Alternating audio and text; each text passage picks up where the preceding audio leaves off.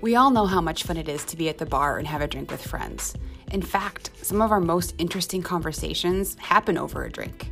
They're unsolicited, unscripted, and uncensored.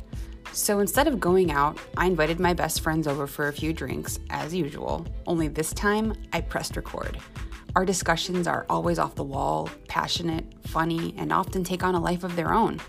Sound like your kind of a night? Then join us for Bar Talk, where friends are family, no topic is off limits, and there's always another round. Cheers.